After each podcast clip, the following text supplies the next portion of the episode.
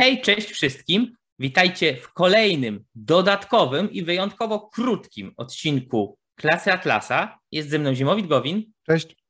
Ja nazywam się Mateusz Błaszczyk i jest to e, dodatek errata do e, czwartego sezonu Klasy Atlasa i odpowiedź na konkretne pytanie zadane przez e, jednego z naszych widzów i na pewną wątpliwość, która kilkukrotnie już e, pojawiała się e, w odniesieniu do filozofii obiektywizmu i czasami była stawiana jako e, pewnego rodzaju zarzut. A mianowicie pytanie brzmiało, czy to prawda, że filozofia obiektywizmu zasadza się na naiwnym realizmie, czy na błędzie naiwnego realizmu.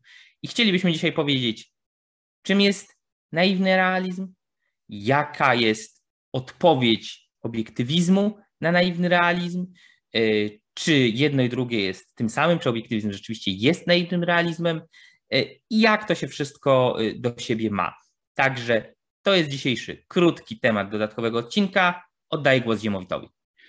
Ten odcinek będzie krótki właśnie dlatego, że my tak naprawdę poruszyliśmy kwestię percepcji w poprzednich odcinkach, wyjaśniając fundamentalne rozróżnienie w obiektywizmie na formę postrzeżenia i przedmiot postrzeżenia. Czyli jedną rzeczą jest przedmiot, który postrzegamy, inną rzeczą jest sposób, w jaki my postrzegamy. E, I to będzie istotne, za chwilę powiem dlaczego. Generalnie zdaniem Rand w historii filozofii e, istnieje, filozofowie zazwyczaj myślą, że albo świadomość jest epistemologicznie pasywna, albo jest yy, i metafizycznie pasywna, albo jest epistemologicznie yy, aktywna i metafizycznie aktywna. Co to znaczy? Epistemologicznie pasywna to znaczy, że ona nie działa w żaden sposób. Yy, I ponieważ nie działa w żaden sposób, to też nie wytwarza świata w żaden sposób. Czyli to byłby aksjomat istnienia. Więc zgodnie z takim typowym myśleniem filozoficznym, żeby zachować niezależność świata od naszego poznania, nasze poznanie musi być pasywne. Tak, nasza świadomość nie, nie może niczego dodawać do y, poznania, y, do tego, w jaki sposób my widzimy świat, bo inaczej byłaby metafizycznie aktywna.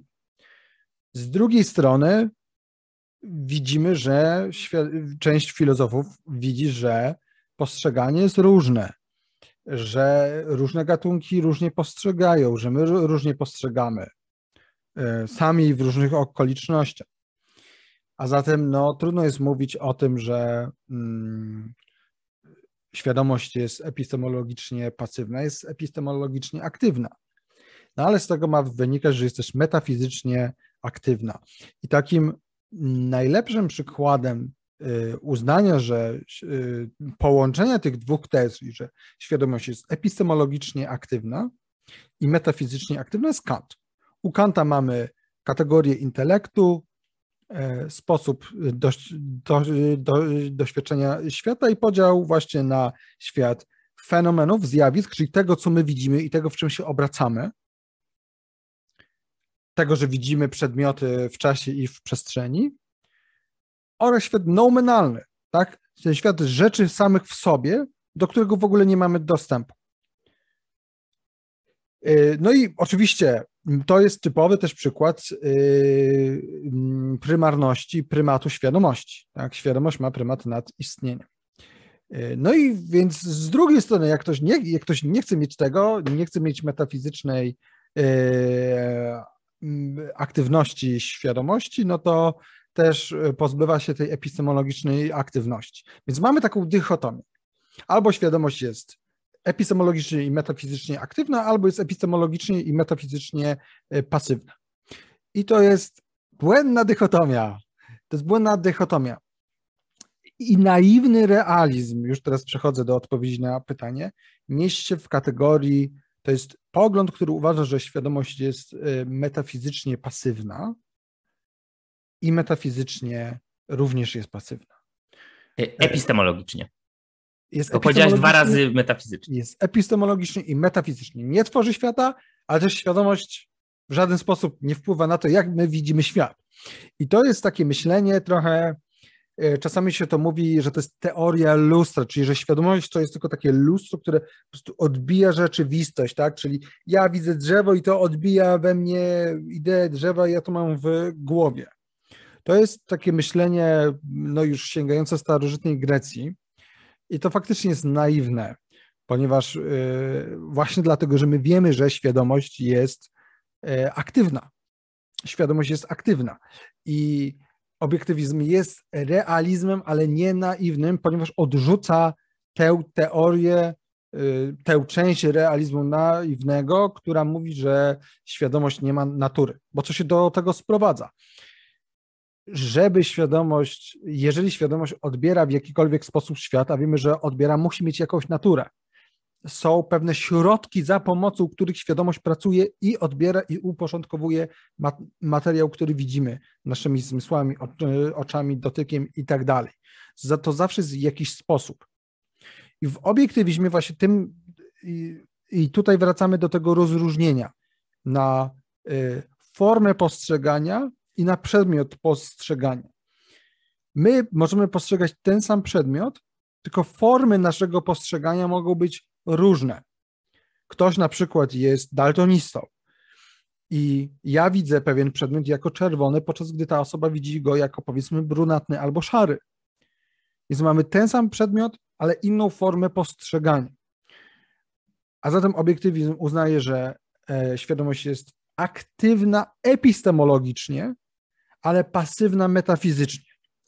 Czyli świadomość ma swoją naturę, bo musi mieć jakąś naturę, bo wszystko ma swoją naturę. Ergo w jakiś sposób przetwarza te różne informacje, które do nas dopływają, ale w żaden sposób nie wytwarza tej rzeczywistości, którą my obserwujemy. Tak, tutaj już się um, oczywiście argumenty na rzecz tego by nas już kierowały do e, kwestii e, aksjomatów, tak, ale to już wyjaśnialiśmy w innych e, odcinkach. A zatem ostatecznie obiektywizm nie jest naiwnym realizmem, bo odrzuca koncepcję świadomości jako lustra, która po prostu odbija to, jaki jest świat i my nie widzimy w żaden sposób, tak? W żaden sposób. Nie ma żadnego sposobu, na jaki my postrzegamy. No to jest y, absurdalna teoria, ale teoria, która sądzę, której motywacją jest to, żeby zachować niezależność świata od naszego poznania. Czyli żeby zachować tą pasywność w sensie metafizycznym. E, a przeciwstawieniem tego jest właśnie no, koncepcja taka na przykład kantowska, ale nie tylko. Zatem sądzę, że to jest moja odpowiedź. Mateusz, chciałbyś coś dodać, czy nie? A jak nie, ziemowit, to lo, ziemowit locuta, causa finita. No tak.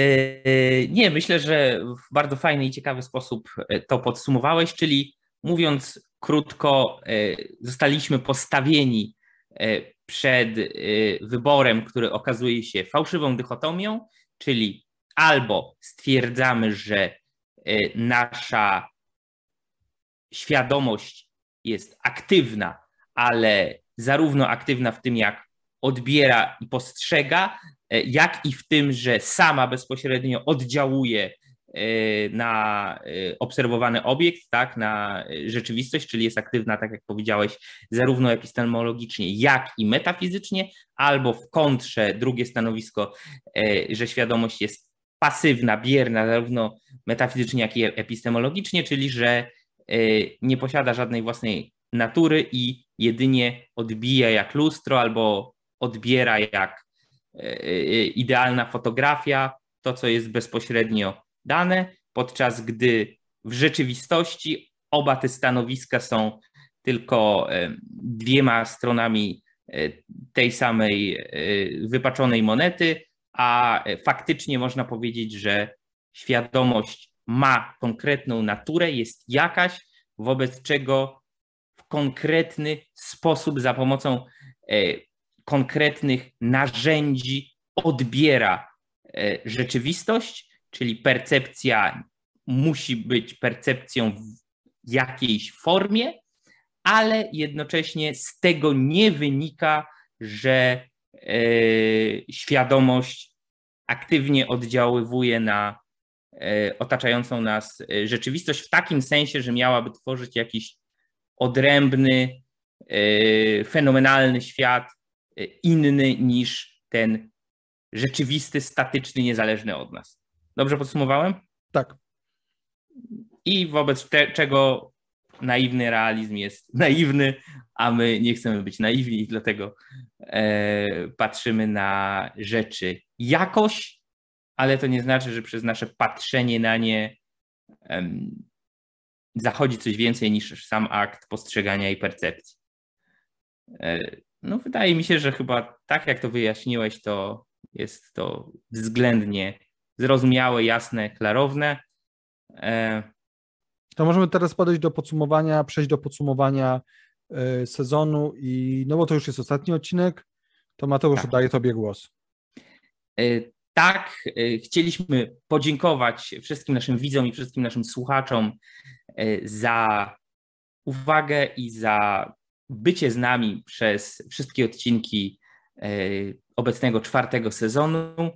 Wiemy, że ten sezon był po pierwsze znacznie dłuższy niż wszystkie pozostałe i po drugie z dość długą przerwą w połowie, ale chcieliśmy zamknąć w nim e, możliwie całościowo tematy związane z epistemologią. E, mamy nadzieję, że udało nam się to zrobić. E, jeśli będą jeszcze jakieś konkretne zagadnienia, konkretne tematy, które interesowałyby Was jako widzów, słuchaczy, dawajcie znać. Być może będziemy nagrywać coś więcej jeszcze e, w tych tematach. Natomiast co do zasady, dzisiejszy odcinek jest ostatnim odcinkiem czwartego sezonu. E, chcielibyśmy pożegnać się z Wami na okres wakacji. E, wrócimy najprawdopodobniej z piątym sezonem po wakacjach. Jeszcze nie wiemy dokładnie kiedy, czy będzie to wrzesień, czy październik. Jakkolwiek to wyjdzie, widzimy się po wakacjach. I piąty sezon E, będzie poświęcony już no, ostatniemu, w zasadzie zupełnie albo bardzo marginalnie do tej pory poruszanych przez nas e, aspektów filozofii obiektywizmu, e, czyli będzie dotyczył filozofii polityki. Będziemy mówić o naturze rządu, będziemy mówić o kapitalizmie. Nie rządu. i nierządu. Będziemy mówić o kapitalizmie, będziemy mówić y, o socjalizmie, będziemy mówić y, gdzie i dlaczego libertarianie, rodwardyści popełniają fundamentalne błędy i tak dalej, i tak dalej, i tak dalej. Jest to coś, o czym wiemy z Waszych komentarzy, wypowiedzi i tak dalej, że wielu z Was czeka na te tematy, więc mamy nadzieję, że uda nam się je dostarczyć w zgrabnej, przystępnej, przyswajalnej formie. No właśnie, forma yy, przekazu, a, a to jak sobie w głowie uporządkujecie treść, to już będzie zależało od Was. Yy, I tyle. Chcielibyśmy życzyć udanych wakacji.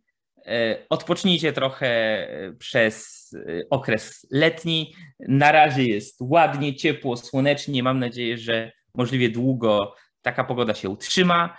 E, ja Wam życzę, abyście też w swoim życiu e, mieli ładnie, ciepło, słonecznie, a Wy sami e, korzystali, korzystali naprawdę autentycznie, rzeczywiście korzystali z tego, o czym my tutaj mówimy, nie tylko jako właśnie floating abstractions, nie tylko jako, no tak, pogadali sobie o jakichś tam cnotach i o czymś, tylko abyście znaleźli sposoby, jeśli uznacie, że coś w naszych podcastach jest wartościowego, aby wykorzystać to, użyć to, yy, wziąć to, wdrożyć w swoje życie tak, aby mieć to życie możliwie dobrym i możliwie spełnionym.